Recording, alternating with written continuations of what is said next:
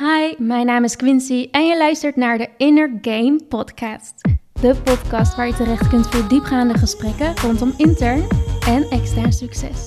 Ik ga in gesprek met interessante mensen om hun ultieme tips en inzichten met jou te delen. En uiteraard neem ik je mee op mijn persoonlijke journey, zodat we samen kunnen groeien. Are you ready? Enjoy the podcast. Welkom terug bij de Inner Game Podcast. Vandaag ben ik hier niet alleen, maar met een hele speciale gast. Iemand voor wie ik enorm veel respect heb. Iemand met wie ik mijn hoogtepunten en dieptepunten heb gedeeld. En dit is oprecht ook een van de weinige mensen waarvan ik gewoon weet dat zij hoe dan ook aan de top komt te staan. We hebben het over niemand minder dan mijn day one, Luna Marketing. Super leuk dat je er bent. Je bent mijn allereerste gast op de Inner Game podcast, dus die eer is aan jou. en mijn eerste vraag is, hoe gaat het nu echt met je? Nou, het gaat eigenlijk super goed met me. Ik, uh, ik woon sinds kort uh, op mezelf in Amsterdam. Ik woon hier vooral al met wat huisgenoten, maar nu helemaal op mezelf in een studio. Dus uh, lekker klein, lekker fijn. ja, heel blij met de plek. Ik ben dus super gelukkig. Business gaat goed. Zelfontwikkeling gaat goed. Mensen om me heen gaat goed. Ja, ik kan wel zeggen dat het echt goed met me gaat. Nice. Goed om te horen. Zo is het natuurlijk ook niet altijd geweest. Want niet iedereen, niet iedereen weet precies wie jij bent en kent dus ook niet jouw backstory. Dus zou jij ons willen vertellen wie je bent, wat je doet en ja, eigenlijk jouw verhaal um, tot waar je nu bent gekomen? Ja, nou, mijn backstory, dan moeten we wel uh, heel veel terug. Ik ben uh, geboren in Amsterdam. Toen ik drie was, zijn mijn moeder en ik naar Hengelo verhuisd. Ik ben alleen opgegroeid met mijn moeder. Mijn vader heeft besloten om voor de geboorte weg te gaan. Uh, ik ben in Hengelo opgegroeid. Hengelo. Hengelo. ik, weet niet, uh, ik weet niet hoe blij ik daarmee uh, kan zijn. maar ik, denk dat het, ik denk dat het me wel heeft gevormd tot waar ik nu ben. en dat het me wel sterk heeft gemaakt. Dus ik ben daar wel dankbaar voor. Ja, ik ben er opgegroeid, naar de basisschool gegaan. al snel was ik best wel een persoon die ver was, heel leergierig. Uh, toen ik in groep 5 zat, ging, wou ik met groep 6 meedoen, et cetera. Ik had altijd eigenlijk wel oudere mensen om me heen. In groep 8 werd ik dan ook echt een terrorkind, want ik verveelde me dood. ik was echt heel heftig. Ik wil die leraren nooit meer zien. Ik schaam me. maar ja, wat krijg je als, als je je gewoon verveelt op, op uh, basisschool? Je bent nog niet verder ontwikkeld, je weet niet wat je moet doen. Ja. Uh, ik ging uiteindelijk gewoon kleine kinderen lesgeven, omdat ze dat wilden hebben. Heel erg was het wow. Groep 8 gold. Uiteindelijk ben ik wel uh, op, uh, in de eerste, naar de eerste klas gegaan op VWO-niveau. Mhm. Toch wel prima niveau. toen nog. toen ben ik in de derde blijven zitten, omdat ik heel erg ziek was toen. Ehm, hele heftige tijd meegemaakt, dus eigenlijk niet echt hoe, wat het was. Maar het was een soort uh, burn-out-achtig iets. Maar ik was er wel erg aan toe. Ik kon niet meer naar school, et cetera. Hoe oud was je toen? Uh, 14, 15 was okay. ik. Het is echt een jonge leeftijd trouwens voor burn-out. Ja, ik was heel jong nog. Uh, ik, ik, heb wel heel veel geleerd, want ik was toen heel erg alleen. Mm -hmm. uh, ik klink veel sneu. maar ik bedoel gewoon van, je bent veel alleen, want je gaat niet meer naar school, et cetera. Um, en je, ik lag veel op bed, dus ik kon veel nadenken. En op jonge leeftijd was dat op zich wel heel mooi. Uh, toen was ik ook wel iets van, oké, okay, eigenlijk wil ik wel iets anders dan dit, gewoon naar school. Ik kreeg wel een soort besefmomentjes of zo, toen al. Mm -hmm. Toen uiteindelijk weer rustig opgebouwd ben ik blijf, uh, wezen blijven zitten. Uh, toen uiteindelijk ben ik toch naar HAVO gegaan. En toen kwam ik uh, Tja tegen. ik, um, ik weet het nog heel goed. Ik was op Instagram aan het scrollen. En ik zag hem en toen had hij nog die filmpjes dat hij van die rots afsprong in Thailand. Weet je dat nog? Van ik die... heb dat toen niet. Nee. Ik, had, ik heb zelf nooit ads van hem gezien toen op, uh, in die tijd, hè? Nee, ik ken hem niet. Heel oud, van, uh, waar hij mee begon. Toen had hij 500 volgers. Toen ging ik hem een beetje volgen en toen uh, dacht ik van, dit is nice. Eindelijk iemand die wat anders doet. Mm -hmm. want wat, ja, voor de mensen die uh, Cha niet kennen, want dat kan natuurlijk ook. Ja, ja. Even een, een side note. Ja is mijn vriend. En dat is ook hoe Luna en ik elkaar eigenlijk kennen. Um, maar hij is online ondernemer en hij helpt anderen ook om een bol business op te zetten. Dus in e-commerce uh, traint hij anderen. Dus op het gebied van business en mindset. Ja, dus uh, ik kwam hem tegen, toen had hij nog een Stoppable Mindset VIP. En dan dag met hun zoomen, dat weet ik nog. En ik dacht als klein meisje, volgens mij had ik nog niet eens een beugel, lelijk. ja, zo van, oh, dit is wel interessant. Dus uh, uiteindelijk daar heel erg in meegaan. En ik zag gewoon op 16-jarige leeftijd van eigenlijk is de wereld veel groter dan hier in Hengelo. Dus mm. toch, ik, ik vond het echt heel naar. Ik ben altijd heel, heel open-minded geweest, net zoals mijn moeder. Ja, gewoon toxic en close-minded en small talk. Mm. Dus ik dacht, wauw. En uh, toen uiteindelijk ben ik gepitcht door Virgil, de businesspartner van Tja, om die cursus te kopen. En ik weet nog dat we dat jaar... Oh, 16 en keihard gepist worden. Vice Virgil. En uh, toen zijn we dat jaar niet op vakantie gegaan, omdat ik van het vakantiegeld de cursus had gekocht. Mm Dat was zo heel lief van moeder, dat ga ik nooit meer vergeten. Ja, dat is wel echt heel mooi trouwens, hoe ze jou daarin gewoon support. Dat zij gewoon ook ziet van, ja, jouw weg is misschien toch een beetje anders. En dat ze dan denkt van, ja, weet je, we geven deze vakantie op en we investeren het gewoon in jou. Ja, heel lief. Ja, ik, zou, ik ben er heel dankbaar voor. Ik dacht, ik denk dat ze gewoon dacht van, die is toch niet meer te redden. Dus Want dat is wel zo. Ze wist gewoon dat het daar paste of zo. Dus ik dacht van, laten we dit maar gewoon doen. Dan had ik daar ook gewoon weer op. Dus uh, toen, uh, ja, die cursus heeft eigenlijk uh, mijn hele leven veranderd. En nu ben ik twee jaar ondernemer. En nu zit ik hier, 18 jaar. Ja, besef gewoon even neem even een moment om te beseffen, te beseffen waar jij nu gewoon staat. Hè? Gewoon op je achttiende. Je hebt verschillende businesses opgebouwd. Je runt nu ook verschillende businesses. Ja, dat is echt... Dat is echt wel sick om te zeggen. Op je achttiende. Ja, Terwijl dat... zoveel mensen struggelen voor eeuwig. En jij doet het gewoon even. Ja, dat is wel insane. Want ook die tijd dat ik 16 was en ik had dat bedrijf. Ik ben naar de rechter gegaan voor een zakelijke rekening. en ik heb echt zo dit gedaan dat ik echt nu denk van ja, dat allemaal ook wel gewoon zo moeten lopen. Ja. Dat is wel echt insane. Ja, ja echt heel zeker hoe alles precies op het juiste moment ook op je pad komt. Ja. En um, dat is mijn backstory. Ja, het is zeker een inspirerende backstory. En we weten allemaal dat dit nog maar je begin is. Ja. En ja, gewoon als je, als je gewoon weet waar je nu al staat, besef gewoon even over vijf jaar of tien jaar. Wauw, jij gaat echt grote dingen bereiken. Ja, het is niet zomaar iets om zomaar te stoppen ook met school, want je bent ook gestopt met je middelbare school natuurlijk. Dat is nog wel een uh, verhaal apart. Ik, uh, want kan je daar nog even iets over vertellen? Ja, toen ik dus naar HAVO ging en ik hun leerde kennen, wist ik al van, oké, ik heb een andere pad, dat voel je gewoon. Mhm. Ik was al heel anders in dingen doen met andere mensen en ik ben al altijd wel gewoon een speciaal persoon geweest, ook met denken en zo. Mhm. Ook dat leraren iets zeiden en dacht ik dacht van, waarom? Wat, wat is hier de reden achter, weet je wel? En uh, toen uiteindelijk, toen ging Tja naar Valencia. En ja. zei van, uh, ja, Luna, dit is je kans om in het Burnout House te wonen. Dus uh, het Burnout House is dus een huis wat Jadis heeft gebrand als echt een huis waar veel mensen hard werken. Ja, hij voor jonge ondernemers. Ondernemers. Mm -hmm. En uh, hij woonde daar toen en ik dacht, wauw, ja, dit wil ik. Nou ja, ik 17. ik naar mijn moeder gestapt. Mam, ik, heb, ik wil eigenlijk iets vragen. Nou, eigenlijk wil ik iets zeggen, maar ik dacht... Ik... En ik zei, uh, ja, ik wil uh, heel graag naar Arnhem verhuizen. Ze zegt, wat? ja, want ik wil, uh, ik wil weg uit Hengelo. En ik, ik denk dat dit het pad is wat ik, waar ik naartoe moet. En dat ik dit gewoon moet doen. Het voelt alsof ik het gewoon moet doen. En ja, ik heb er eigenlijk geen verklaring voor. En ze wist dat ik Hengelo verschrikkelijk vond. Ze wist dat ik school verschrikkelijk vond. Maar uit huis is toch wel een stap apart. -hmm. Maar mijn moeder weet, als er iets in mijn hoofd zit... Dan kan het er niet uit. Ze had me wel opgegeven toen. Dus uh, ze keek me aan. En ik vond het best wel lastig, want ik heb een hele goede band met mijn moeder. Heel goed. En ik wou ook helemaal niet weg bij haar. Dat totaal niet. Maar ik wist dat als mijn business, dat ik die, als ik die wou laten groeien, dat ik echt in een andere omgeving moest zitten. En zij wist dat ook. Van, ze haalt hier niet 100% zichzelf, uh, 100% uit zichzelf. En ze is hier gewoon niet gelukkig.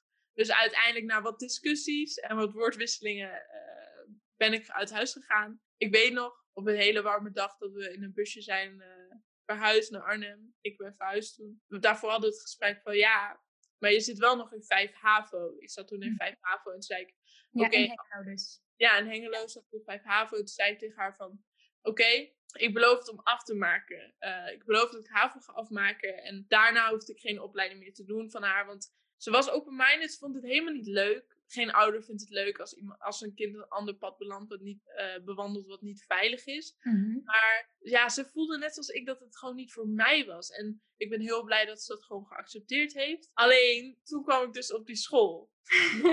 Na de zomervakantie. Ja, hoe ging dat? Want de zomervakantie was voorbij en de zomervakantie ging er vol in business, dat weet ik nog. Ja, toen na de zomervakantie moest ik naar school. En je weet hoe erg ik daar tegenop zat. Mhm. Dus ik ging naar die Montessori school. En ik weet nog, de eerste dag, ik kwam thuis. En ik weet ook nog dat jij, ik zei tegen jou, ja, ik ga dit echt niet doen. weet je dan nog dat ik daar zo zat? Ik ga niet naar deze school. Ja. Dus Ja. wij andere opties bespreken. En wij dachten, FAVO is een goed idee. ik uitgeschreven bij die andere school. Ik naar FAVO gegaan. Ik daar, ben daar drie dagen geweest. ik dacht echt, nee, ik kan hier echt niet naartoe. Ik, ik zat daar en heel veel mensen denken van, oh, ik vond het gewoon niet leuk. Maar Mhm. ik kwam huilend thuis toen. Dit was echt op een ander level, ja. ik, ik kwam bij jou huilend van, Quins, dit kan toch niet? nee. Hoe kunnen ze mij verplichten om hier te zitten? En jongens, geloof me, ik huil nooit. Echt, Mies, heb je me twee of zo? Ik huil echt nooit, maar Je huilt niet snel mee. Maar als we huilen, huilden we altijd samen. het- maar ik zat echt met mijn ogen zo van, nee, ze kunnen me echt niet verplichten als ik op dit niveau ben om me zo naar beneden te halen.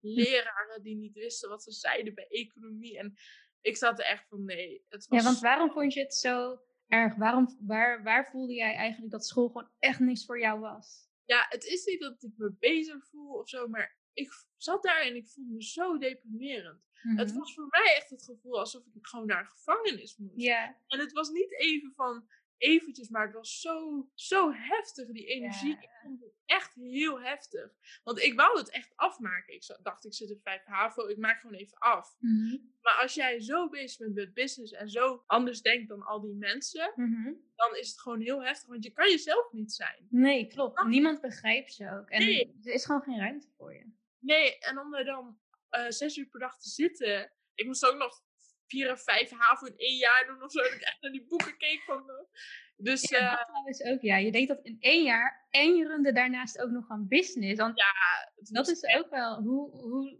hoe heb je dat gemanaged? Ja, toen dus nog in, eh, bij Montessori. dus voordat ik naar, Amst- naar Arnhem kwam, heb ik gewoon heel goed gepland. Toen heb ik ook nog even voor het jaar gewerkt. Dat was wel heel veel. Maar ik heb dat gewoon gepland en gewoon altijd. Ik was altijd aan het werk. En ik voelde me gewoon fijn toen ik aan het werk was voor het jaar, voor mezelf. En dat Ja. was echt uit, uit eh, ja, mijn uitlaatklep voor school. Mhm.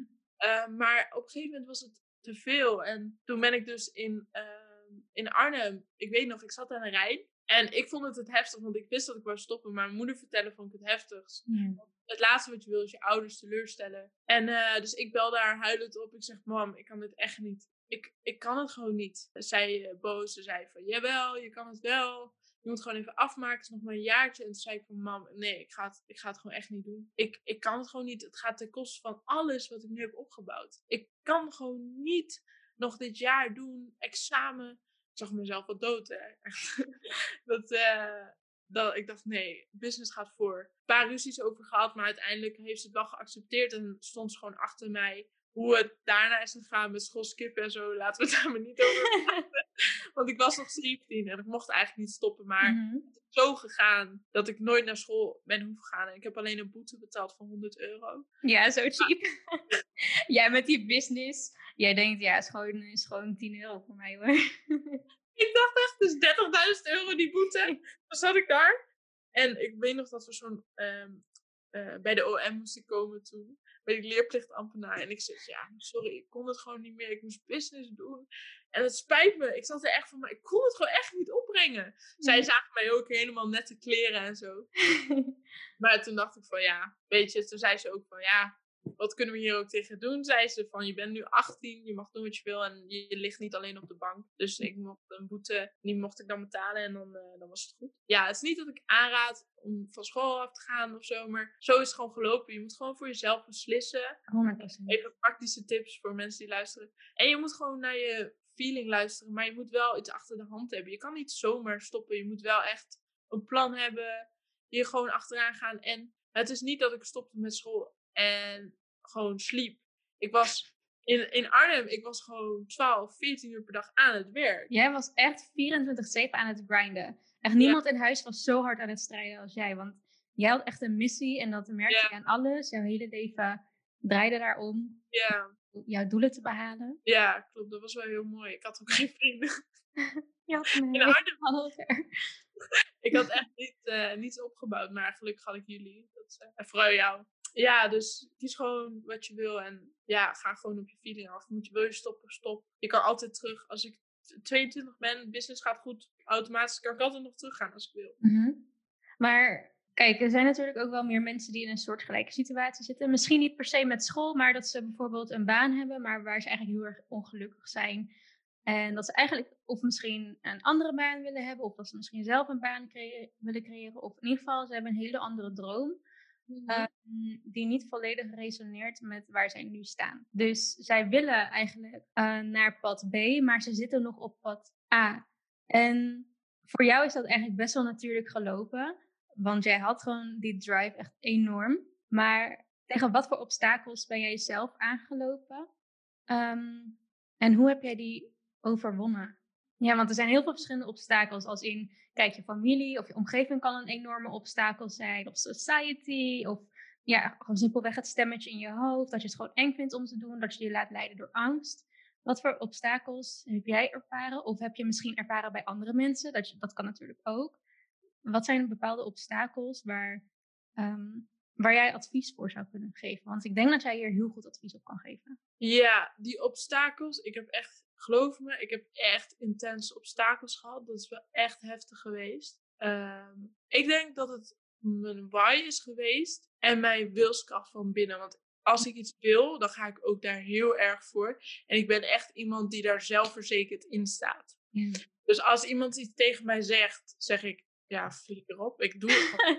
ja, flikker op. ja, kijk, ik, ik ben heel koppig. En dat is een slecht punt, maar ook een goed punt. Zeg maar. Je kan advies aannemen, maar je moet gewoon je eigen weg maken. Want jij weet van binnen wat het beste is. Inderdaad. En dat vind ik ook altijd. Want mensen zeggen altijd wat tegen mij. En uiteindelijk, als ik dan hun achterna ga, dan denk ik van...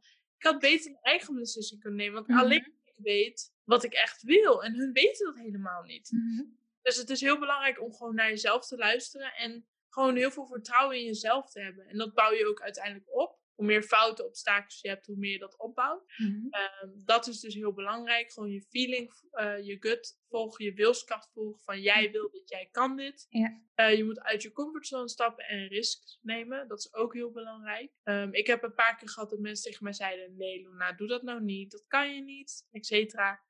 Um, ja, jij voelt dat dat je pad is. Dus jij moet het gewoon doen. En dan de volle vertrouwen in jezelf hebben om dat te doen. Mm -hmm. Ja, want dat zit er ook niet voor niets. Je hebt niet voor niets dat vuurtje in jezelf. Ja. Waar, dat, dat voel je gewoon door je hele lichaam. En als je dat gaat negeren voor andere mensen die, uh, ja, weet ik veel, wat te zeggen hebben over jou. Dat is zo zonde, want het is er niet voor niets. En dat is gewoon, het is... Het kan geen duidelijker sign zijn dan die passie, dat vuurtje die jij gewoon van binnen. Als je dat niet opvolgt, zal je altijd ongelukkig zijn. En als je het wel gaat opvolgen, als je dat risico durft te nemen, het is heel eng en je weet misschien nog niet waar je over een paar stappen staat. Maar de eerste stap is eigenlijk altijd de keuze maken van, oké, okay, dit is wat ik wil. En dat heb jij heel goed gedaan. Ja, klopt. En mensen, het komt altijd goed. Mm -hmm. Als het niet goed komt, is het nog niet het einde. Ja, precies. Je moet een stap zetten. Het is maar een leven. Het is een spelletje. Je springt mm -hmm. en je ziet wel waar je belandt. Wat is het ergste dat kan gebeuren? In Nederland heb je altijd nog, uh, hoe heet dat? Uh, uitkeringen en zo. Ja, dan zit je, Mhm. mm -hmm. dan kom je, dan spaar je gewoon wat op. Ja. En dan begin je weer opnieuw. Het is helemaal niet, het is beter om dat te doen dan lifetime iets doen waar, wat je niet leuk vindt. Inderdaad, dat, heel, want dat is gewoon mensen laten zich gewoon te veel leiden door angst. En dat is Ja. ook wel logisch, want we leven in een fear-based society. Dat is niet voor niets. Zo worden we gewoon geprogrammeerd. Het gaat heel erg diep. Maar het is wel iets waar mensen gewoon last van hebben. En waardoor zij gewoon niet uit de huidige situatie durven Ja. stappen. Dat is echt zonde. Ja, dat is gewoon. Die angst is zeg maar van: oké, ik zit nu in mijn comfort. Dus je zit nu in jouw comfortabele plekje. Mhm. Maar je wil niet zo altijd leven. Want wat heb je aan het leven? Dat heb ik ook altijd gezegd. Ik ga nog liever dood. Misschien klinkt het heel kut. Mensen gaan me echt haten door deze podcast. podcast sorry. Maar als je in een reishuis woont, ja, je kan gelukkig zijn met een familie. Maar als je iets doet wat je niet leuk vindt, maak die sprong. Mhm. Doe het. Eh, Kijk wat het ergste is wat kan gebeuren. Kijk of je familie hebt waar je altijd op kan steunen. En maak gewoon iets leuks van. Mhm. En dan is je why ook weer heel belangrijk. Want dat maakt ook wel weer die wilskracht van oké, ik ga het doen. Want Want waarom is je why zo belangrijk? Dat is ook een vraag die ik op Instagram kreeg. Ik had eh, gevraagd aan mijn volgers of zij nog vragen hadden voor jou. En Ja, een van eh, die vragen was, eh, wat, ja, wat is jouw why? En ik denk dat het daar, daarbij ook wel goed te koppelen is om even uit te leggen wat een why inhoudt en waarom het zo belangrijk is. Want het is letterlijk je benzine natuurlijk. Voor ja, dat, dat is wel goed gezegd. Je benzine. Ja, je why is eigenlijk je waarom, waarom je alles doet. Dus waarom wil jij aan de top staan? Mhm. Waarom wil jij veel geld hebben en waarom wil je een goed bedrijf hebben? Nou, mijn why is eigenlijk gewoon puur mijn moeder en mijn oma. Mhm. het is, zeg maar, mijn moeder. ehm, we hebben niet altijd heel veel money gehad of zo. Ehm, en, maar ik heb altijd wel alles gekregen wat ik wilde. Maar omdat mijn moeder en ik altijd een hele, ehm, hele sterke band hadden, kreeg ik altijd alles mee. Dus over geldzaken, et cetera. Ik was best wel een- ja, een kind die overal alles wil weten en et. Dus ik kreeg altijd wel alles, maar op een gegeven moment ga je ook naast je moeder staan en denk van nee, ik wil het niet.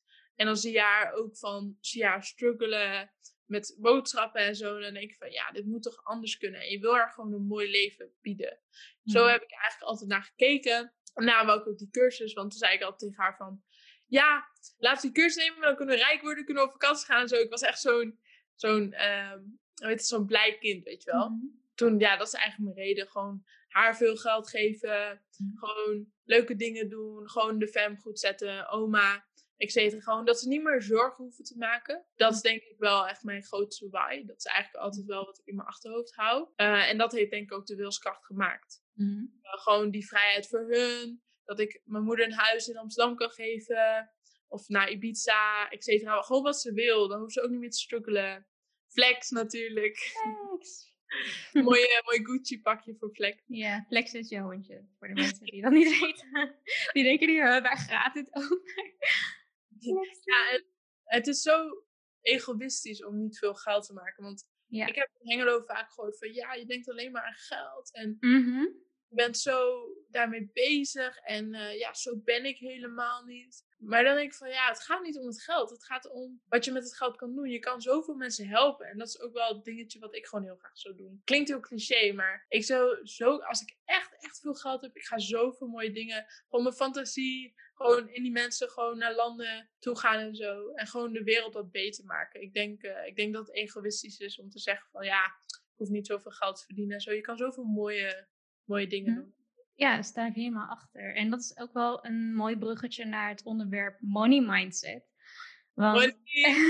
money. Want als het gaat over geld, mensen hebben zoveel triggers. Ja, De enige mensen die niet per se echt triggers hebben rondom geld, zijn mensen die heel veel geld maken.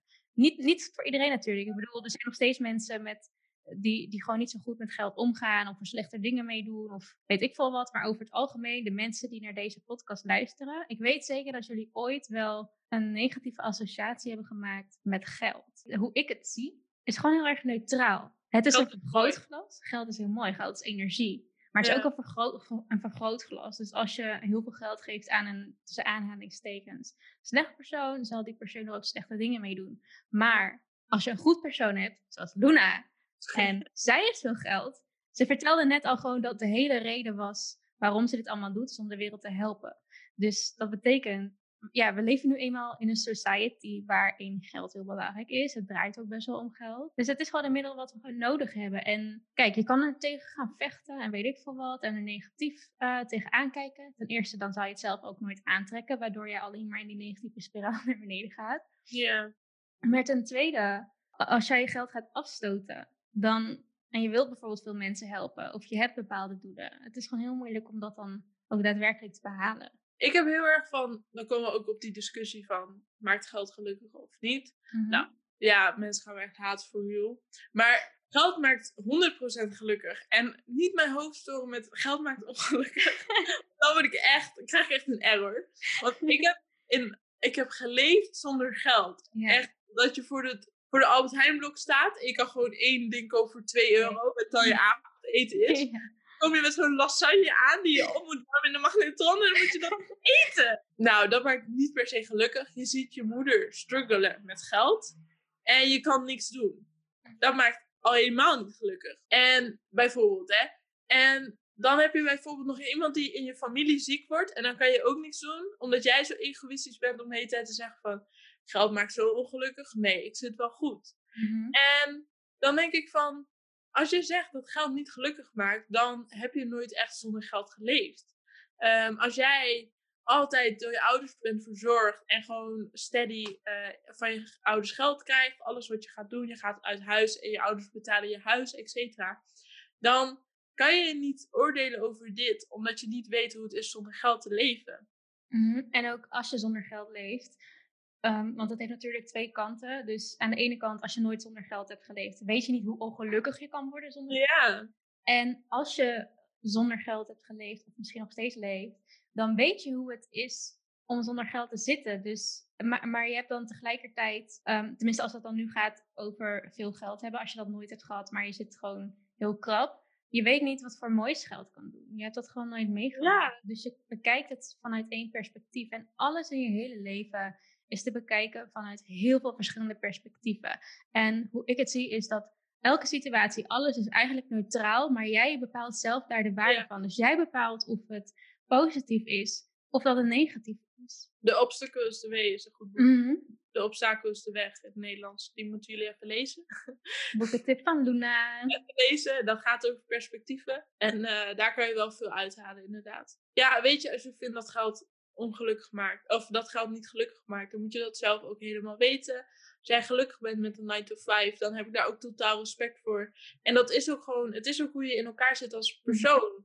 Ja, dit is jouw perspectief. Dit is hoe jij erin staat. En nogmaals, mocht jij getriggerd worden tijdens deze episode, die kans is best wel aanwezig, omdat we het ook, ja, we hebben bijvoorbeeld over geld, ondernemen en je doelen achterna gaan. En binnen deze onderwerpen zitten bij heel veel mensen gewoon superveel pijnpunten. En een trigger is simpelweg ehm, dat eigenlijk een wondje dat al in jou zit, dat wordt aangeraakt. En wat heel veel mensen doen is, nou, je wilt geen pijn ervaren, dus je gaat ervoor weglopen en eh, je wijst naar iets anders. Je wijst naar iets externs van, ja, dat is de schuld, dat geeft mij een minder fijn gevoel. Dus dat moet gewoon even weg, dat moet gewoon oprotten.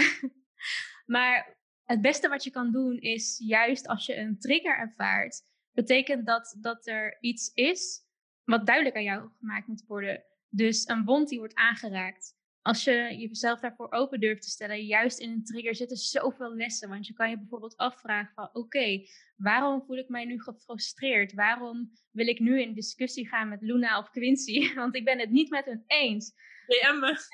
Doe maar. DM, kom maar. me. Slide in onze DM's. Nee, grapje.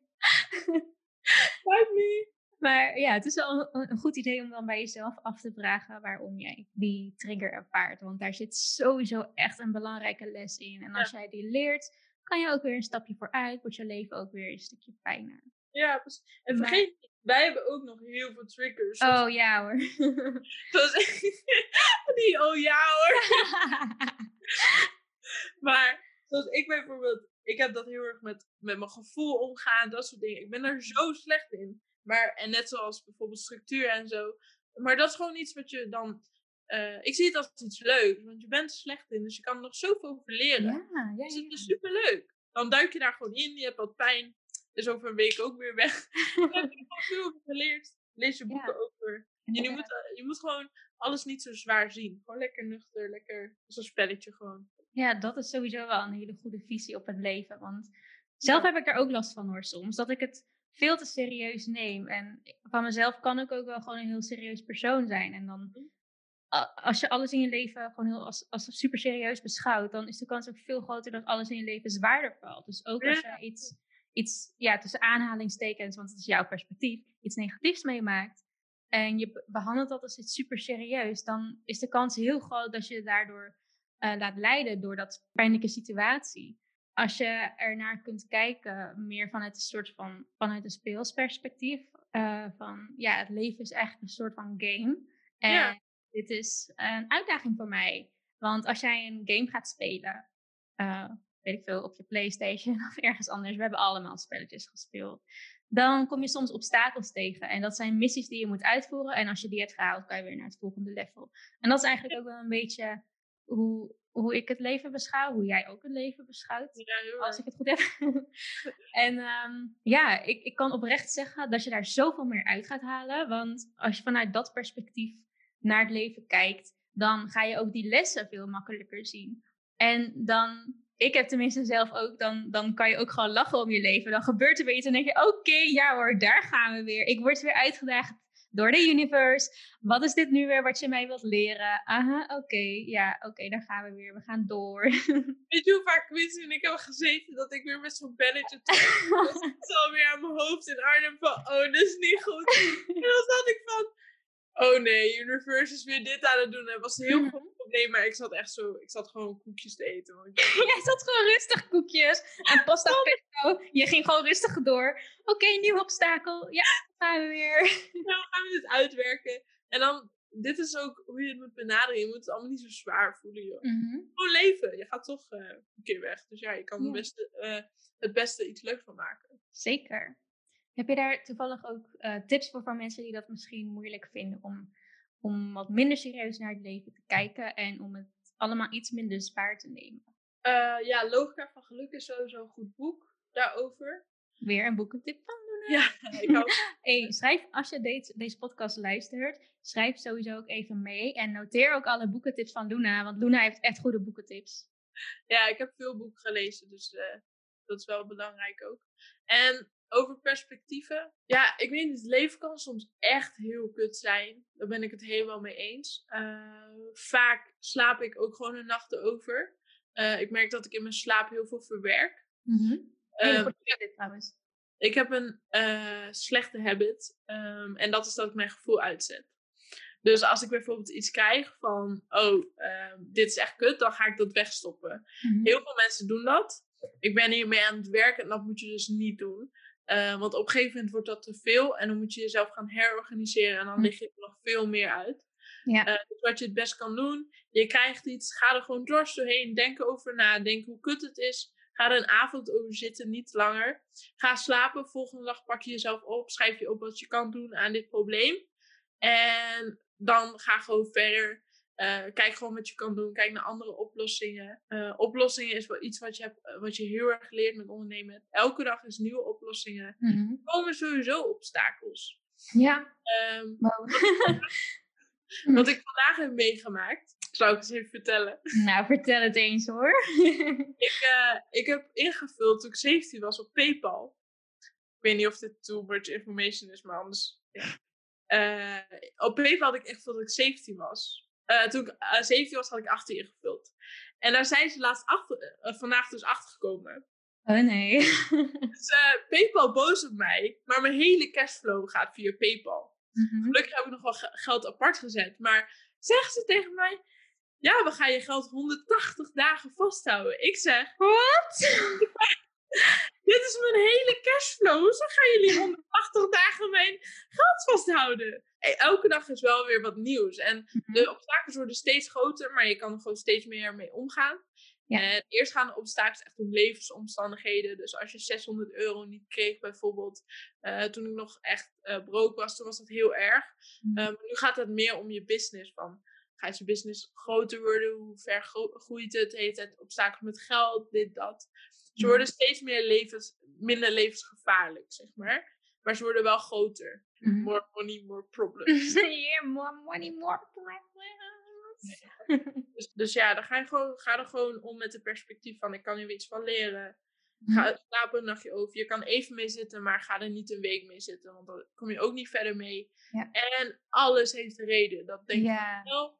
Um, heel veel mensen komen soms naar me toe, of als je met mensen praat van dit is gebeurd. En dan denk ik van ja, maar als dit bijvoorbeeld is gebeurd, dan was je misschien wel dood. Of als PayPal nu niet is geblokkeerd, wat nou als je miljoenen maakt en ze hebben 3 miljoen vast en je moet net een deal betalen? Mm Dus het kan altijd veel erger. Dat sowieso, ja.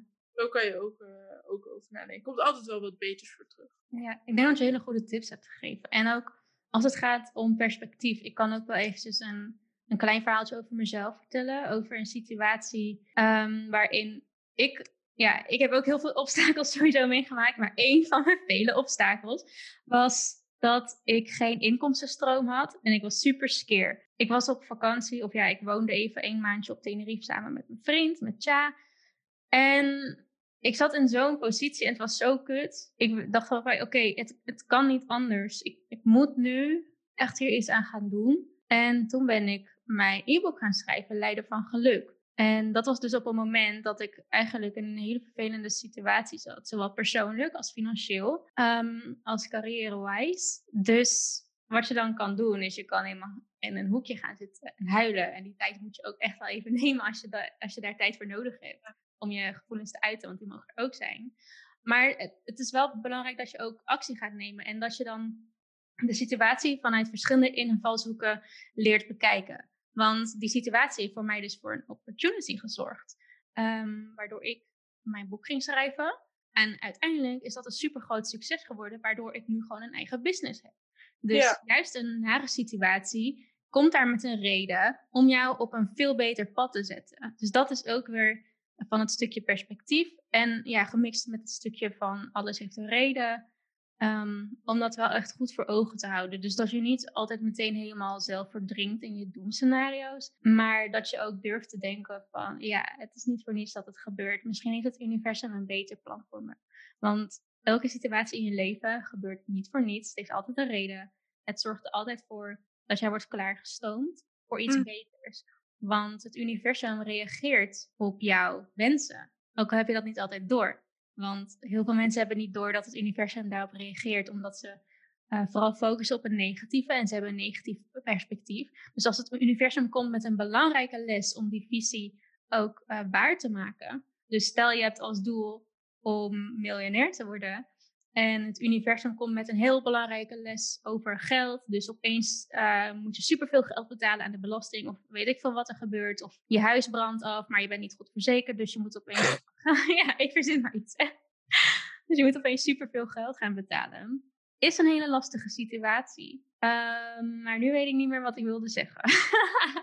Maar jawel, ik weet het punt. Het is een hele lastige situatie, maar je leert er heel veel over. Dus wat je dan. Ja, ja, ja. Ja, oh ja, thanks. Ja, dus je gaat er sowieso heel veel lessen uithalen voor jezelf, waardoor jij wordt klaargestoomd om aan jouw visie te voldoen, om daar steeds meer mee te resoneren. Dus wees vooral dankbaar naar het universum ook. En blijf niet alleen hangen in je negatieve perspectief, want daar ga je gewoon niet mee verder komen. Dus onthoud, als jij, ja, sowieso be careful what you wish for, maar als jij eh, als jij een wens hebt of een doel stelt voor jezelf, het universum reageert direct. En je moet altijd een prijs, uh, ja, een prijs betalen voor iets. Dus je gaat ook minder leuke dingen meemaken. Maar uiteindelijk zorgt het er altijd voor dat jij precies op het juiste pad terechtkomt. Ik denk ook dat, oh, dit is een Engelse quote, dat gaan we even niet doen.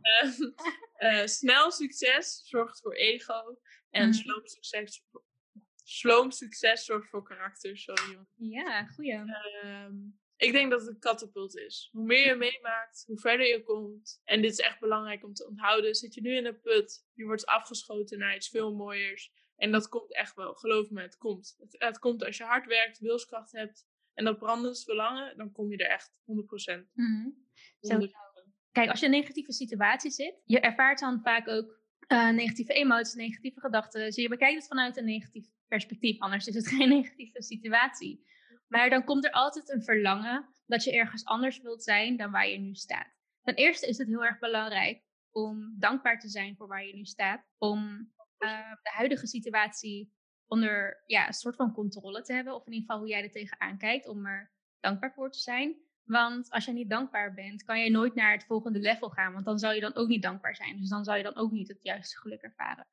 En een van de dingen die heel erg belangrijk is hierin, om van de huidige situatie daar het beste uit te halen en om door te stromen naar de nieuwe situatie, is investeren in jezelf. Ik denk dat het ook wel een goed bruggetje weer terug is naar de money mindset, want ik denk dat het wel een belangrijk onderwerp is. Luna en ik hebben allebei een business. Wij weten hoe belangrijk het is om in jezelf te investeren. En als jij een negatieve money mindset hebt, dus je kijkt heel negatief naar geld en je denkt dat geld alleen maar zorgt voor problemen, oftewel ja, je bent geld aan het afstoten en misschien ook wel mensen die veel geld hebben, ben je misschien ook aan het afstoten omdat je denkt van ja, die zijn egoïstisch of zo. Maar geld is, is een middel, net als dat een fiets een vervoermiddel is om van je huis naar de Albert Heijn te fietsen, is geld een middel om van uh, de huidige situatie naar een betere situatie te gaan. En geld is ook een soort van accountability partner eigenlijk. Mm. Want hoe meer jij ergens in investeert, hoe belangrijker jij het vindt, hoe harder jij ervoor gaat werken. Dus geld kan ook absoluut een motivatie zijn. Niet alleen geld als motivatie als in van um, ik wil 100.000 euro op mijn bankrekening hebben staan. Dat kan natuurlijk een motivatie zijn, want dat is een, een doel van je. Maar als je geld letterlijk ergens in investeert, dus ja, je ziet het van je bankrekening gaan, het gaat ergens anders in, ga jij zoveel harder rennen om jouw doelen waar te maken. Het gaat ook om wie het geld heeft. Ik zie soms jongens lopen en dan zie ik Gucci-tasje, Gucci-slippers en uh, ja, gewoon mooi petje ook. Dan kijk ik aan en denk van, wat heeft je moeder? Want je moeder in een reishuis moet ze bij de Lidl uh, eten kopen, dan is mijn respect 100% weg voor jou.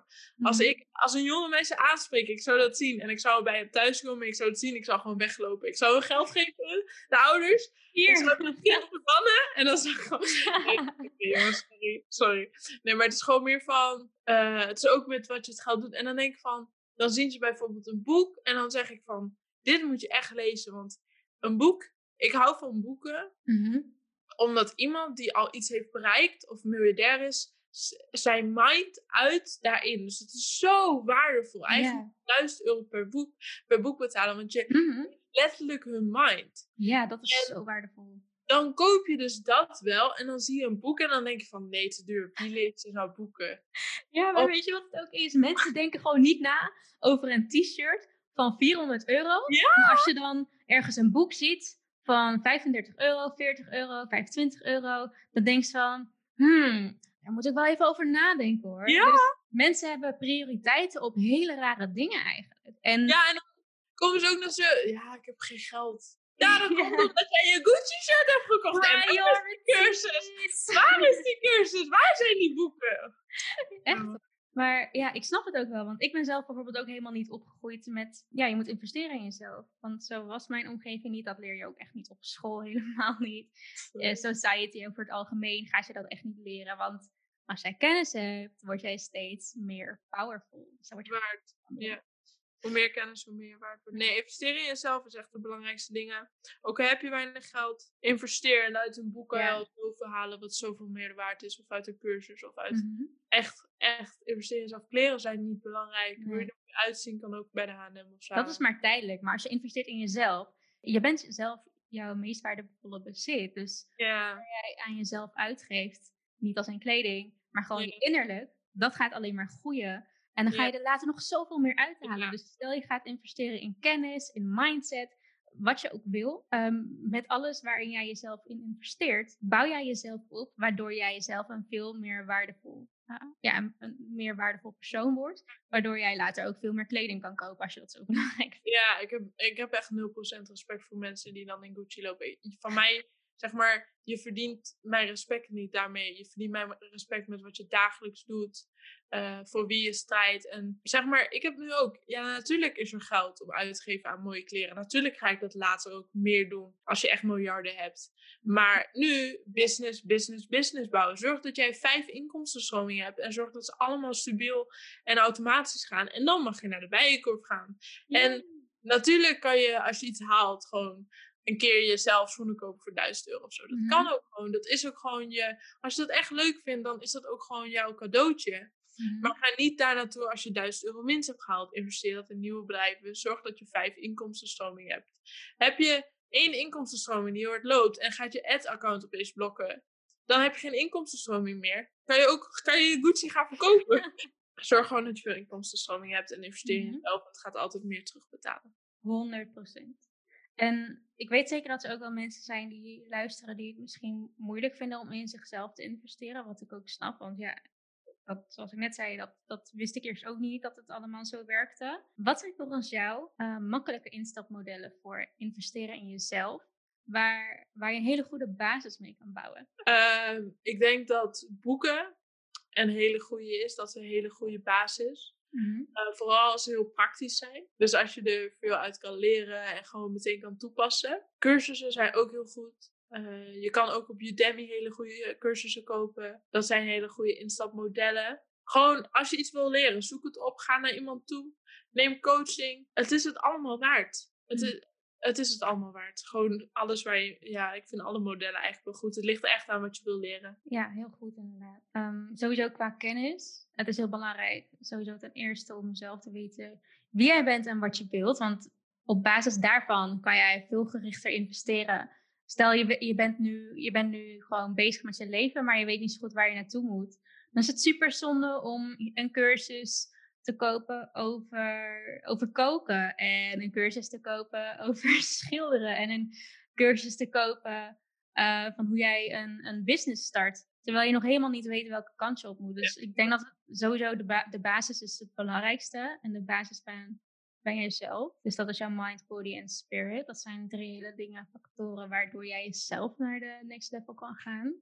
Dus op het gebied van body, uh, investeer meer in je gezondheid. Want als je in je gezondheid investeert, gaat jouw lichaam beter werken, krijg je ook weer betere focus, krijg je meer energie en daarmee kan je ook beter je doelen behalen. Investeer in mindset, zodat, jij, uh, zodat je jouw mind wat meer onder controle krijgt. Want jouw mind is een beetje jouw aansturingssysteem en bepaalt de koers waar jij naartoe wilt in jouw leven. Um, of nou ja, niet volledig natuurlijk, want je hebt niet het hele leven, uh, ja, je hele leven in de hand. Maar met je mindset kan je wel een beetje meer aansturen en heb je jezelf vooral meer onder controle. En investeer ook in spirit, dat is iets wat heel veel mensen vergeten. Maar spirit houdt in jouw geestelijke zelf, je energetische zelf. En dat komt dan bijvoorbeeld ook weer neer op de universele wetten, zoals de wet van de aantrekkingskracht. Als je al die universele wetten snapt en je snapt jezelf ook op energetisch niveau, dan ga je echt level tovenaar bereiken. waardoor jij jouw, jouw uh, doelen ook gewoon veel beter kan behalen. Ja, en people, ik ben ook heel, uh, heel nuchter. Ik ben een heel nuchter persoon, down to earth. Ik zeg mhm. wat ik denk, ja. Uh, et cetera. Maar die wetten, daar kan je niet omheen. Die zijn er gewoon, net als zwaartekracht. Ja, je voelt het. Ik heb het gezien. En ja, ik heb er niet zoveel verstand van als Quins. Ik heb me wel in verdiept. En ik weet alles, alle wetten ook hoe ze werken. Maar het is echt bijzonder. En het is heel, heel jammer als je daar geen tijd in investeert. Want het kan je zoveel brengen. Ja, ik heb nog een vraag binnengekregen weer de Graham. En dat is eigenlijk wel een mooi bruggetje tussen doelen behalen, maar ook investeren in jezelf. Want ik weet dat jij over precies dit onderwerp nu een boek aan het lezen bent. Um, de vraag is, hoe zorg je voor focus om je doelen te behalen? En hoe zorg je voor motivatie op mindere dagen? Dus waar haal jij je kracht ook vandaan? Ja, dit is altijd. Ik krijg wel vaker deze vraag. En dan denk ik van, ik heb eigenlijk nooit naar motivatie gezocht. Mhm. Ik voelde, ik wilde, ik wist mijn why en ik ging gewoon. 12 uur per dag werken moet niet eens moeilijk voor je zijn als je een doel hebt. Uh, natuurlijk heb je soms mindere dagen, dat je even je focus niet kan pakken, maar dat is niet erg. Uh, leef daar gewoon mee, denk daar niet te veel over na. Ik zit er altijd met die vraag en dan denk ik van ja, ik heb gewoon altijd gewerkt. Je hebt natuurlijk een goede why. En je moet je werk natuurlijk ook wel leuk vinden. Onderneming is gewoon voor mij gemaakt. Dat mhm. voel ik, dat is gewoon zo. Dat is gewoon mij.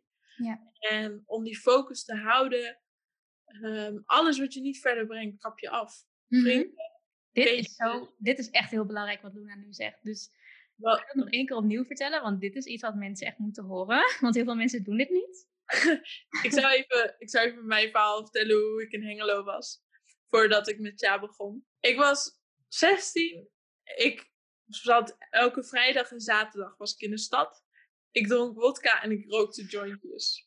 Ik ga heel eerlijk met jullie zijn. Dat is het enige wat ik deed. Ik zat op school, ik ging daarna chillen. Ik ging gewoon smoken en ik ging gewoon wat drinken. En weekenden waren chaos, huisfeestjes, etc. Toen ik die omkapping maakte naar stoppen met roken. Ik rookte, vier, ik rookte gewoon vast. Het is echt insane. Gewoon op mijn 16. Ik was echt, echt een, ja, gewoon een typisch persoon die rookte en dat soort dingen deed. Toen uh, maakte ik die omkoppeling en al mijn vrienden keken naar me of ik psychisch gestoord was geworden. het was echt, ja, hoezo rook je niet meer? Um, hoezo ga je niet meer elke week uit? En ze gingen me serieus afkeren. Het was gewoon een soort, mhm. Je hoort gewoon niet meer bij. En ik ging boeken lezen in de les. Iedereen keek me aan of als, als, iedereen keek me aan alsof ik echt gestoord was geworden. Het was echt, ik was gewoon totaal als persoon veranderd. Maar als je een doel hebt, dan hoort dat ook gewoon. Je kapt de vrienden af die er niet bij horen bij je doel. Je kapt de feestjes af. Je kapt de mensen om je heen die je niet begrijpen. Uh, je gaat gewoon meer met jezelf viben en je zoekt gewoon mensen op. Ik heb heel veel geïnvesteerd in netwerkevents. Ik ging van Hengelo naar Leiden. Dat is drie uur met de trein. Hm. Heen voor een avond. En dan ging ik weer terug drie uur. Was ik om twee uur thuis. Maar dan had ik wel gewoon die mensen weer gezien die me wel naar hun doel brengden. Mm dus investeer gewoon in jezelf. En dat is ook heel belangrijk. Events, seminars. Ik, ben, ik heb zoveel in mezelf geïnvesteerd daarin om daar te zijn. Zodat je een eigen brand maakt. Mm. En mensen met je om willen gaan. En gewoon de vijf mensen om je heen. Het is gewoon zo. Dat is gewoon het belangrijkste. Gewoon de mensen om je heen en waar je mee vibet. En investeer daar ook gewoon in. Stap gewoon op mensen af. En wees ook niet bang. Zie je dat ook als een spelletje. Mm -hmm. de anderen, schiet ze neer net als... schiet ze neer. op Call of Duty. En dan ga je gewoon naar de volgende mensen. Yeah. Dus uh, dat is wel een hele grote stap die ik inderdaad heb gemaakt in Hengelo. Ja, je doet alles om je doel te bereiken, want daarvoor leef je. Dat is, mm Maar het is gewoon, anders ga je het niet halen. Ga ik denk ook niet dat het per se extreem is. Ik denk dat het vooral extreem is dat je hebt de kans hier op aarde om extreem gelukkig te zijn en je missie uitvoeren, je zielsverlangen na te leven. En toch laat jij je tegenhouden door situaties, personen en andere externe factoren. Ik denk dat het juist genormaliseerd moet worden om een omgeving voor jezelf te creëren waarin jij vooruit kan, die bijdraagt aan jouw succes. Want als jouw omgeving bij kan dragen aan jouw succes, kan jij ook bijdragen aan hun succes. Het is een wisselwerk en je gaat samen naar voren. Dus ik denk dat het ook heel erg belangrijk is om voor jezelf nu af te vragen voor iedereen die luistert. Is, is mijn omgeving, bevordert die mij in mijn dromen of houden ze mij tegen? Hoor ik heel vaak vanuit mijn omgeving van ja, maar dat is toch niet realistisch? Moet je dat wel doen? Of andere negatieve geluiden? Of hoor je vooral vanuit je omgeving van ja, goed idee, super nice, go for it. Mhm. of, of heb je vrienden die dan misschien komen met een idee die ervoor zorgt dat jij weer nog een stapje verder kan. Ik denk dat het heel belangrijk is om voor jezelf af te vragen. En niet per se alleen um, voor het behalen van je doelen, maar vooral gewoon voor je eigen geluk. Want er zijn zoveel mensen die jou weer houden van jouw geluk. En je kan ook gewoon 100% veranderen. Hoe ik ben, was ik echt niet. Ik, ik las geen boek. Ik las mhm. echt niks je kan gewoon veranderen als persoon. Als je gewoon een doel wil behalen, je gaat boeken lezen en zo. En dan zie je ook hoe leuk dat is. Mm, ja, want dat is ook echt zo. Want kijk, op school, ik denk dat de meeste van ons het gewoon niet zo leuk vonden om een wiskundeboek te openen. of een aardrijkskundeboek, of een geschiedenisboek. Tenminste, ik zat daar meestal niet echt op te wachten. Ik was wel goed in school, maar ja, weet je, na school dacht ik ook van, ik ga nooit meer lezen. Ja. dat heb ik ook heel lang niet gedaan, maar... Leren is zo leuk ja, toen besefte ik me van ja, je bent nooit klaar met leren. En ik vind leren heel erg leuk, maar alleen niet op de manier zoals het op school gaat. Maar er zijn zoveel middelen die ervoor zorgen dat jij weer aan nieuwe kennis komt. Dat jij ook direct kan implementeren in je leven, waardoor je gewoon een veel leuker leven krijgt. Dus het lezen van non-fictieboeken bijvoorbeeld, of het doen van een cursus, of coaching bij iemand nemen, zoals bij Luna. Coaching! DM me! DM Luna! Nee, uh, dat is zeker waar. Het is, uh, het is heel belangrijk. Mm -hmm. En ja, nu we het ook over omgeving hebben. Ik heb uh, een Insta-vraag weer binnengekregen over daten. Oh nee. De, de vraag zelf is: hoe zorg je ervoor dat je de connectie op de tweede date kan laten blijven? Nou, ik vind het een beetje een irrele irrelevante vraag voor nu. Maar we kunnen dit natuurlijk wel draaien naar hoe je om kunt gaan met daten en relaties. Als uh, jij gewoon wilt focussen op het behalen van jouw dromen. Of ja, misschien ben je zelf ondernemer en vind je het gewoon moeilijk te combineren. Ja, als ik hier heel open in ben, vind ik het lastig. Uh, want je moet een middenweg zien te vinden. En ik merk vaak dat als ik met jongens praat, en dit klinkt misschien zo, maar dat bedoel ik niet, uh, merk ik dat ik veel verder dan hun ben. En mm. dit is opschepperig, maar dit komt puur door, de, door hoeveel ik leer en hoeveel zelfontwikkeling ik per dag doe. Mm-hmm. Dus ik, heb, ik vind het wel lastig, het daten. Soms heb ik dan iemand waarvan ik denk, oké, dit vind ik wel gewoon chill. En dan kan je gewoon kijken hoe het gaat.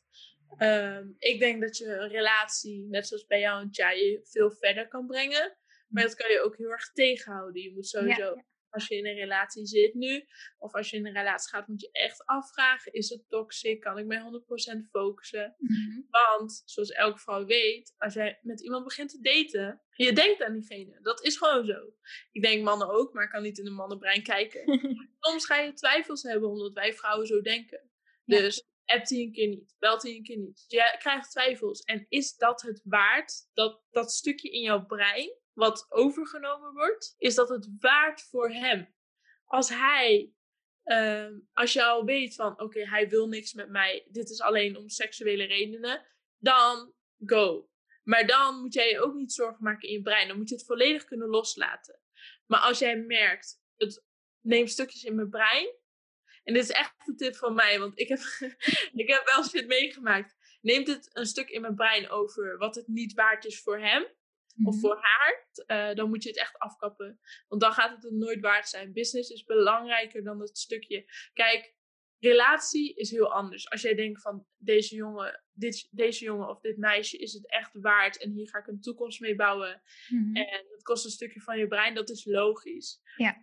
Bouwt iets op met z'n tweeën, je gaat ruzies krijgen, et cetera. Uh, maar als dat het waard is, go for it. Mhm. Maar als het niet waard is, kap het alsjeblieft zo snel mogelijk af. Echt waar, want business is echt belangrijker dan een jongen die je hoofd, die je hoofd maakt. Dus echt ja, maar dit is wel echt gewoon waar. En kijk, niet iedereen is natuurlijk ondernemer of heeft ambitie om te ondernemen. Maar jouw geluk is veel belangrijker dan, dan iemand in je leven hebben. Dus in dit geval letterlijk je levenspartner. Ja. Relatie die jouw geluk op wat voor manier dan ook omlaag brengt. Ik bedoel, een relatie is echt niet perfect. En ik heb echt wel momenten die gewoon heel kut zijn. Ja. maar als, als je een life partner hebt gekozen, want dat doe je zelf, je kiest ervoor. Het is jouw verantwoordelijkheid. Dan is het wel belangrijk dat jullie op wat voor manier dan ook elkaar iets kunnen bijleren of elkaar kunnen upliften. Want wat is anders in die relatie? Ja, natuurlijk liefde zelf is iets heel belangrijks. Kijk, als iemand jou gewoon heel veel liefde geeft, dat kan ook gewoon toegevoegde waarde zijn natuurlijk. Ja. Het is natuurlijk wel heel mooi als jullie ehm, elkaar kunnen aanvullen op bepaalde vlakken, zodat je samen kunt groeien. Want dat is ook een beetje hoe ik het zie. Een relatie is niet gewoon even voor de leuk. Het is, het is zoveel meer dan dat. Ja. Je bent en, life partner dat is het sowieso van, je kan heel veel van elkaar leren. En ik heb ook van, het hoeft niet per se een ondernemer te zijn. Waar als ik uh, zeg maar nu een vriend zou nemen. Maar je moet wel gewoon je volledige brein kunnen uiten van als ik zeg tegen hem, want tegen hem van ik wil dit verdienen of ik wil dit zijn mijn doelen, dan moet ik niet zo'n raar gezicht krijgen van wat schep je nou op of uh, zijn dit je doelen. Het moet wel overeenkomen en je moet niet veel verder zijn dan die partner. En dat is ook ik heb in een relatie gezeten en ik was veel sneller gegroeid dan die andere persoon. En dan krijg je een soort, ja, dan krijg je een soort tussenstuk tussen jullie. En dan wordt het gewoon heel vervelend, want jij bent verder, jij denkt verder, maar je deelt je leven met iemand die gewoon uh, minder ver is als jij. En dat is niet erg, maar jij hebt gewoon meer tijd in ontwikkelen gestopt. En uiteindelijk gaat het niet meer, want die persoon gaat je tegenhouden. Mm Hoeveel pijn het ook kost, je moet dat stoppen. Mhm. Hij heeft je veel geleerd, of zij. En je bent daar dankbaar voor, maar je moet verder. Dus je gaat je, uh, die connectie uh, koppel je los en je gaat gewoon verder met je leven. En dan zie je wel weer wat er bestaat. Ja. Uh, of wat er ontstaat. En En dit is gewoon heel belangrijk om te onthouden dat je het gewoon, hoeveel pijn het ook doet, als het toxic is, moet je het stoppen. Dat Mhm. is heel belangrijk. En als het heel iets moois is, eh, ik weet ook veel mensen die dan zeggen van ja, ik heb geen tijd voor relatie en zo. Dat is niet waar, want je hebt ook tijd voor op je mobiel te zitten. Ja, inderdaad, dat is ook bullshit. Eh, dus dat, ik snap dat er een stukje in je hoofd zit van oké, het neemt ruimte in mijn hoofd Mhm. in. Eh, maar uiteindelijk, als het een goede relatie is en je, eh, je bouwt iets met elkaar, dan is het wel iets heel moois. Dat maar het is- gewoon heel lastig. Ik vind het heel lastig om iemand te vinden waarbij ik dat zou willen. Mhm. Dat vind ik een heel lastig, lastig puntje. Waarbij ik ook vaak na de eerste of tweede date zeg van oké, sorry, dit gaat gewoon niks worden. Want Mhm. ik voel gewoon dat we andere richtlijnen hebben. Ja. En dat moet je dan ook gewoon eerlijk vertellen. Ja, wat jij eigenlijk heel mooi vertelt ook met dit verhaal, is dat je niet te veel moet vastbinden aan een persoon. Want je leeft je leven altijd nog voor jezelf. Ja. Dat sowieso. En, sorry, heel snel tussendoor. Nee, vertel. Wees alsjeblieft alleen gelukkig. ja. Het belangrijkste van alles. Ik ben alleen helemaal oké. En daarom kan niemand mij beïnvloeden. Mhm. Als erin komt en weer weggaat, ik vind het één avond kut. Maar ik ben helemaal blij alleen. Ik voel me zo goed. Dus niemand kan dat kapot maken. Mhm. En als jij niet blij alleen bent, dan ga je dat in andere mensen zoeken. En dan kan Ja. je niet snel loslaten en dan wordt het heel snel toxic. Mhm. Ik ben blij alleen en iedereen die in je leven komt is een toevoeging, maar niet een aanvulling. Dus het is een toevoeging van je leven en het moet alleen maar iets moois zijn. Ja. Eh, en het moet echt niet te veel tijd kosten, want dan Nee. Is de deur. Ja, daar is de deur. ja, helemaal mee eens. Sowieso, elke relatie is sowieso een reflectie van jezelf. Ja. Als jij niet genoeg van jezelf houdt, ga jij hoe dan ook problemen tegenkomen in de relatie. En aan de ene kant, dat is het waard ehm, als jij die lessen kan inzien, want dan kan je ze leren. Maar heel veel mensen zien die lessen niet in, waardoor het juist heel veel tijd in beslag gaat nemen, waardoor je achteruit getrokken wordt, waardoor jij gewoon niet meer de baas bent over je eigen, eigen geluk. Je bent gewoon niet de leider van je geluk. Dat sowieso. Maak je vooral niet te druk om daten als je nu single bent. Nee. Gebruik deze tijd juist om in jezelf te investeren. Juist om jouw doelen te bereiken. Juist om een goede relatie met jezelf op te bouwen. Want jij bent, hoe dan ook, je, mensen komen en gaan, maar jij bent altijd met jezelf. Dus de relatie met jezelf is sowieso de belangrijkste relatie in je hele leven. Geloven alleen zijn is echt heel fijn. Heel veel mensen, Mhm. ik hoor heel veel mensen van ja, ik wil echt een vriendje. En eh, ik wil echt iemand. Eh, maar altijd heb je verwachtingen als iemand in je leven komt. En altijd kan dat gewoon eh, tegenvallen of het is in je mind. En geloof me, het is echt fijn om helemaal vrij daarvan te zijn. Van Mhm. niemand heb je verwachtingen, alleen van jezelf. En dan beïnvloedt dat ook niet je werk of, of je humeur. Dat is mijn dateadvies. Naast dateadvies. Oké, maar ja, jij bent nu gewoon in ieder geval lekker aan het focussen op jouw eigen doelen. En dat is in dit geval ondernemen en succesvolle businesses neerzetten. ja. En heb jij ook wel eens last van bijvoorbeeld onzekerheden met betrekking tot business en doelen behalen? En hoe zou jij daarmee omgaan? Onzekerheden van twijfels. Ja, het kan van alles zijn. Misschien onzekerheid wat vanuit jezelf komt. Ja, hoe, hoe ga je daarmee om? Als je denkt van, hmm, moet ik dat wel doen? Of ja, is dat wel haalbaar? Of dat je een bepaalde angst ervaart. Ja, wat ook in Think and Grow Rich staat. Als je niet snel kan kiezen, dat is een slechte eigenschap. Dus ik ben iemand, ik run mijn business wel helemaal alleen. Ik heb nu geen businesspartners. Ik ga toevallig wel eh, in september een nieuwe VOF starten, dus dat is wel heel leuk. Maar voor nu, woe, voor nu heb ik alles, eh, niet dit bedrijf, maar gewoon een nieuw bedrijf. Eh, voor alles heb ik alleen gedaan. Wat ik heel fijn vind, maar soms zit je wel in je hoofd met wat moet ik nu doen. En dan eh, doe ik het gewoon. en dan kijk ik van hoe het loopt. Mhm. Dus eh risks nemen is sowieso heel erg eh, belangrijk. Dus neem de risk, kijk hoe het loopt. Loopt het niet, dan heb je dat geprobeerd. Ben je wat geld kwijt, maar je hebt wel het geprobeerd. En met die onzekerheden, die heb ik eigenlijk niet echt. Met business niet. Met andere dingen wel weer. Ik probeer het gewoon. Als ik onzekerheden heb, dan vraag ik wat mensen advies die hoger dan me staan. Ik heb gewoon wat mensen, bijvoorbeeld Quint of een businesspartner van mij, die ik dan bel. Die, ik weet heel goed waar mensen dan goed in zijn en dan bel ik die op van wat zou jij in deze situatie doen. En dan neem ik dat mee in mijn besluit. Ik ga niet Mhm. van uit, maar ik neem gewoon besluit. En ja, voor de rest is het heel goed om hier gewoon met mensen over te praten soms. Wel mensen die er verstand van hebben. Ja, zeker. Want heel veel mensen kunnen ook gewoon echt fucked up negatief advies geven. Omdat ze zelf gewoon ze kunnen ook niet goed voor zichzelf zorgen. Dus hoe kunnen ze dan advies voor jou geven? Ja, bijvoorbeeld, ik praat heel veel met mijn moeder. Ik, ben, ik bel elke dag drie keer of zo. Uh, maar ik ga haar niet vragen over business, want ik zie in haar ogen, zij krijgt meteen stress. maar het is gewoon heel groot voor haar, dat soort dingen. Ja. Dus zulke dingen moet je niet doen. Maar ik raad het ook niet altijd aan om met andere mensen te praten. Maar mm -hmm. ik gewoon de step, weet je. Ik weet nog dat die investeerder kwam, weet je nog. En dat ik ook niet... maar ik heb het gewoon de stap genomen. Ja. En ja, het, je denkt gewoon een nacht over na en de volgende hm. dag maak ik gewoon het besluit. Uh, niet wakker liggen, maar gewoon slapen. En dan de volgende dag maak ik gewoon het besluit. En dan zie je wel hoe het loopt. Ja. De bel of het loopt niet, niet te lang over nadenken. Nee, goed advies. Ja, dus als je ergens over twijfelt of zo, is het um, heel nice om perspectieven vanuit andere hoeken te krijgen, dus vanuit andere mensen. Want je hebt zelf altijd bepaalde blind spots, dus je kan niet elk perspectief zien. Dus het kan heel waardevol zijn als je naar de juiste mensen stapt. Ik herhaal, juiste mensen. Um, Ik herhaal. ja, even voor de duidelijkheid toch? Want zoveel mensen geven gewoon echt geen goed advies.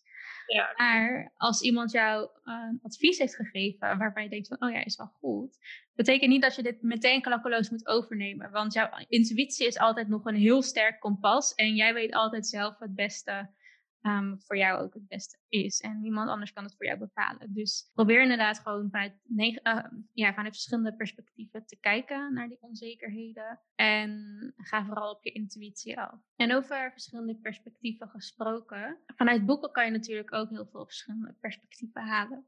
Want je hebt, je hebt, van jezelf heb je al bepaalde kennis, maar door een boek te lezen krijg je nieuwe inzichten, waardoor je de inzichten die je al hebt bijvoorbeeld kan koppelen met inzichten die in dat boek staan. Waardoor jij veel meer nieuwe inzichten krijgt, waardoor alles veel uh, duidelijker bijvoorbeeld ook wordt. Dus daarom is lezen gewoon ja, best wel waardevol. En we hebben het er net al over gehad, je leest veel. Mhm. Wat zijn een aantal boeken die jij hebt gelezen, die voor jou gewoon wel echt voor grote inzichten hebben gezorgd en uh, die je anderen ook kan aanraden? Oh ja, tip 1. Uh, eh, lees ook boeken waar jij nu mee bezig bent. Zeg maar, mhm. ik wil structuur bouwen. Ja. Dus ik ging uh, het boek Focus lezen en dat is het boek waar ik nu mee bezig ben. Mm-hmm. Uh, daar deed ik trouwens heel veel over op mijn Insta. Even een kleine promotie hier. Ja, dat sowieso. Op het einde zal ik het nog een keer herhalen voor als je dit op de een of andere manier mist. Maar als je Luna wilt volgen, dat kan zeker op Instagram, Luna Markerink. Ik zet sowieso haar Insta ook in de beschrijving. Dus daar kan je zo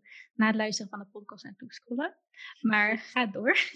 ja, dus uh, ik wou bijvoorbeeld structuur bouwen in mijn leven. Dat is een zwak puntje van mij. Ik ben een erg chaotisch persoon. Zoals je al denk ik weet hoe ik praat, hoe ik overkom. En daarom ging ik boeken daarover zoeken en ben ik op Focus en nog wat boeken uitgekomen. Uh, dus Focus aan uit is zeker een aanrader. Ik weet even niet meer het schrijven ervan. Maar... Ik zet anders alle, alle boekentips wel ook in de beschrijving neer. Dus je kan ze hier opnoemen en dan zal ik het daar nog even beschrijven. Ja, dus de auteur. Ik heb de, als je heel erg uh, moeilijk vindt om met angst om te gaan, en als je dat heel erg hebt, uh, The 50 Law van 50 Cent en Robert Greene is een heel goed boek over angst. Die vind ik heel nice. Het boek van Quint, tip 3. Ik heb die ook gelezen. Die is ook heel nice. Die moet je, dit is echt aanraden. Geen promotie voor Quint. Um, maar als jij, zelfs mijn moeder heeft hem gelezen. Als jij niet weet waar je naartoe moet. Of gewoon even struggelt met jezelf die moet je sowieso 100% ook lezen. Uh, heel nice, heel nice. Dus dat is tip 3. Uh, ehm, tip 4, Logica van Geluk is een heel goed boek van Mo. Dat gaat uh, over geluk. Zijn zoon is overleden en hij heeft hier heel mooi beschreven. Ik ben over een paar inzichten over tijd en ook over perspectieven uh, hierop gekomen. Relentless vind ik ook een heel goed boek over hard zijn. Daar heb ik ook allemaal quotes van in mijn huis ja, dat zijn wel echt, echt mijn topboeken. Als ik er nu één moet zeggen voor iedereen, is dat toch wel uh, Relentless. Als ik er eentje zou moeten halen. Oké, dankjewel. En ja, Relentless heb ik zelf nooit gelezen, maar je zegt net, het gaat over hard zijn. En oprecht denk ik dat heel veel mensen daar wat aan kunnen hebben, want we leven nu in een society. Aan de ene kant is dat een hele harde mannelijke society. Maar aan de andere kant, mensen laten zich heel erg meeslepen door hele kleine dingetjes die je eigenlijk bijvoorbeeld heel makkelijk kan oplossen. Dus ik denk dat het sowieso goed is ook om aan je mannelijke energie te bouwen. Um, als je vrouw bent of man bent, dat maakt niet uit. Want je hebt allebei, je hebt mannelijke en vrouwelijke energie. Ja, wat mij opvalt is dat heel veel mensen zich toch iets te veel laten meeslepen door vrouwelijke energie. In plaats van daadkrachtig zijn, actie ondernemen, echt gaan voor je doelen. Dat mensen zich laten weerhouden door bijvoorbeeld angst. En dan gaan we het afronden, denk ik. Want we zijn volgens mij al even aan het praten. Maar ik heb nog één vraag aan jou. Want als ik jou vergelijk met heel veel andere mensen, is ja, jij, jij behaalt jouw doelen altijd. jij stelt hele grote doelen. Waarom denk jij dat het jou wel lukt om deze grote doelen te behalen en grote successen aan te trekken, terwijl heel veel anderen dit nooit zouden behalen? Wat doe jij in jouw ogen anders dan anderen? Ehm, ik denk dat dit een paar dingen zijn. De eerste die ik sowieso denk is never give up. Dat is een hele cliché uh, uitspraak. Maar als je iets niet lukt, bedenk dan een andere manier, want er is altijd een oplossing. Je moet alleen creatiever denken. Mhm. Het is zo belangrijk dat mensen het onderschatten. Ik heb naar dingen gekeken dat ik denk van dit is onoplosbaar, dit kan niet. En toch ga je met je brein, je kijkt ernaar, je schrijft op papier, je denkt, je denkt.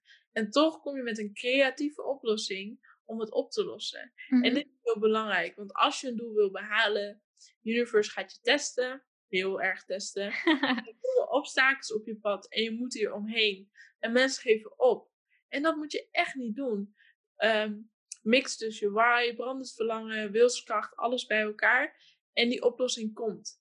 Kom je er even niet op, ga wandelen in nature, ga even slapen. Doe even iets wat je leuk vindt. Kijk even een serietje Mhm. en zet door. En werk hard. Als jij tot vier uur moet werken, moet je werken. Er, er is geen smoes. Je moet niet zo laks en zo slap zijn. Je moet gewoon sterk worden en doorzetten. En als je, eh, ja, hierdoor ben ik ongevoelig persoon geworden. Zoals jullie al horen. ik bedoel het niet zo, maar het is wel zo. Door ondernemen word je, leer je met je gevoel omgaan en leer je echt minder gevoel te krijgen. Tenminste, dat heb ik heel erg. Ja, meer dan ehm, meer in de richting van je laat je gevoel niet in de weg staan. Ja, klopt. Ja. Je kan het gewoon eh, managen. Ja. Beter managen. En eh, ik denk dat eh, dus dat heel erg belangrijk is. Je stelt doelen, je werkt aan. Je geeft niet op totdat je ze hebt behaald. Moet je tot vijf uur s'nachts werken, dan doe je dat. Mhm. Ik denk dat je het wel een beetje hebt benoemd. Ja, ja ik denk dat, dat het. eh, we hebben natuurlijk nog veel meer dingen, maar dat echt het belangrijkste is. Ja, als ik gewoon voor het laatst iets moet zeggen, is: werk gewoon hard aan je dromen. Neem het leven niet te serieus. Sacrifice dingen. Maak een goede why. Lees boeken. ma- Maak een goed ritme. En ga gewoon voor je doel. En ja, wat ik echt als les zou willen meegeven is: maak je niet zo druk om wat er allemaal uitkomt, maar doe gewoon wat je leuk vindt. Zet gewoon de stap. Fok wat andere mensen van je vinden. Waar geen weg is, maak een weg. Maak gewoon een weg. Dat is een hele Timmer sterke. gewoon. Timmer gewoon. Klaar. En dat, eh, dat wou ik even zeggen. Amen. Ja, eigenlijk is het, kijk, we maken zelf het leven gewoon vaak zo moeilijk. Terwijl in realiteit, life is simple. The universe is simple. Dus we bedenken zoveel smoesjes, maar wat Luna ook zegt, je moet er gewoon voor gaan. Er zijn geen excuses. Het enige die jij tegenhoudt ben je eigenlijk zelf. Want omstandigheden kunnen moeilijk zijn, maar om omstandigheden kan je ook weer een andere weg nemen. Je kan door omstandigheden heen breken, je kan er overheen klimmen, je kan er onderdoor gaan. Obstacle is the way. En dat is een hele mooie afsluiter van deze podcast. Luna is natuurlijk een heel inspirerend persoon. Dus ik begrijp dat jullie er allemaal gaan volgen. Dat moet ook van mij. Waar kunnen mensen jou terugvinden? Op Instagram, ik deel daar heel veel dingen over zelfontwikkeling, business gericht. Eh, Luna Markring heet die. Dat is eigenlijk, mijn platform is eigenlijk gewoon eh instaan. Ik wil nog wat aan YouTube en podcast beginnen. Alleen er kerst komt aan en we kunnen heel veel geld maken bij kerst. Dus ja. belangrijker voor nu. Eh, Maar er komen heel veel mooie dingen aan. En eh, ik weet zeker dat, eh, dat er veel mooie dingen aan gaan komen. En als je gewoon vragen hebt, wil je iets weten, DM me gewoon. Wil je even iets kwijt of wil je iets vragen? Geloof me, je kan me gewoon DM'en. Ik bijt niet, soms. Soms. Gewoon, als je het gewoon cool vraagt, dan kunnen we gewoon gesprekken starten. yes. Dus Luna is nu even gefocust. Maar geloof me, ze deelt echt wel waardevolle dingen. Ook als ze iets gelezen heeft uit een boek, eh, Mhm. deelt ze daar wat over. En ehm, ik weet ook zeker dat in een iets later stadium misschien, maar vroeg of laat gaat zij sowieso ook uh, door met een podcast en komt er gewoon nog veel meer content aan. Dus zeker iemand om in de gaten te houden. Ja! Dan wil ik je bij deze bedanken voor het luisteren. Als je dit een goede episode vindt, ben ik heel benieuwd wat je hieruit hebt gehaald. Vergeet voor jezelf vooral ook niet op te schrijven wat je inzichten waren. Want als je ja, de podcast alleen luistert, misschien ga je weer dingen vergeten. Dus schrijf het vooral op en bedenk voor jezelf ook hoe je dit in je leven kan toepassen. Want aan alleen kennis heb je niet zoveel. Je moet het ook daadwerkelijk implementeren. Ja, en ik ben heel benieuwd of jullie er iets uit geleerd hebben. Dus als je wat hebt geleerd of als je uh, wat je het best vond, kan je altijd even DM'en. Want ik ben heel erg benieuwd of, uh, ja, of je iets hebt geleerd hieruit. Ja, stuur Luna of mij een DM. Uh, vooral wat je ook kan doen is simpelweg gewoon even een screenshot maken nu. Deel het in je story, tag ons, wij zien het. Bedankt voor het luisteren. Bedankt Luna voor het aanwezig zijn bij deze podcast. En ja, tot de volgende keer allemaal. Doei doei! Doei!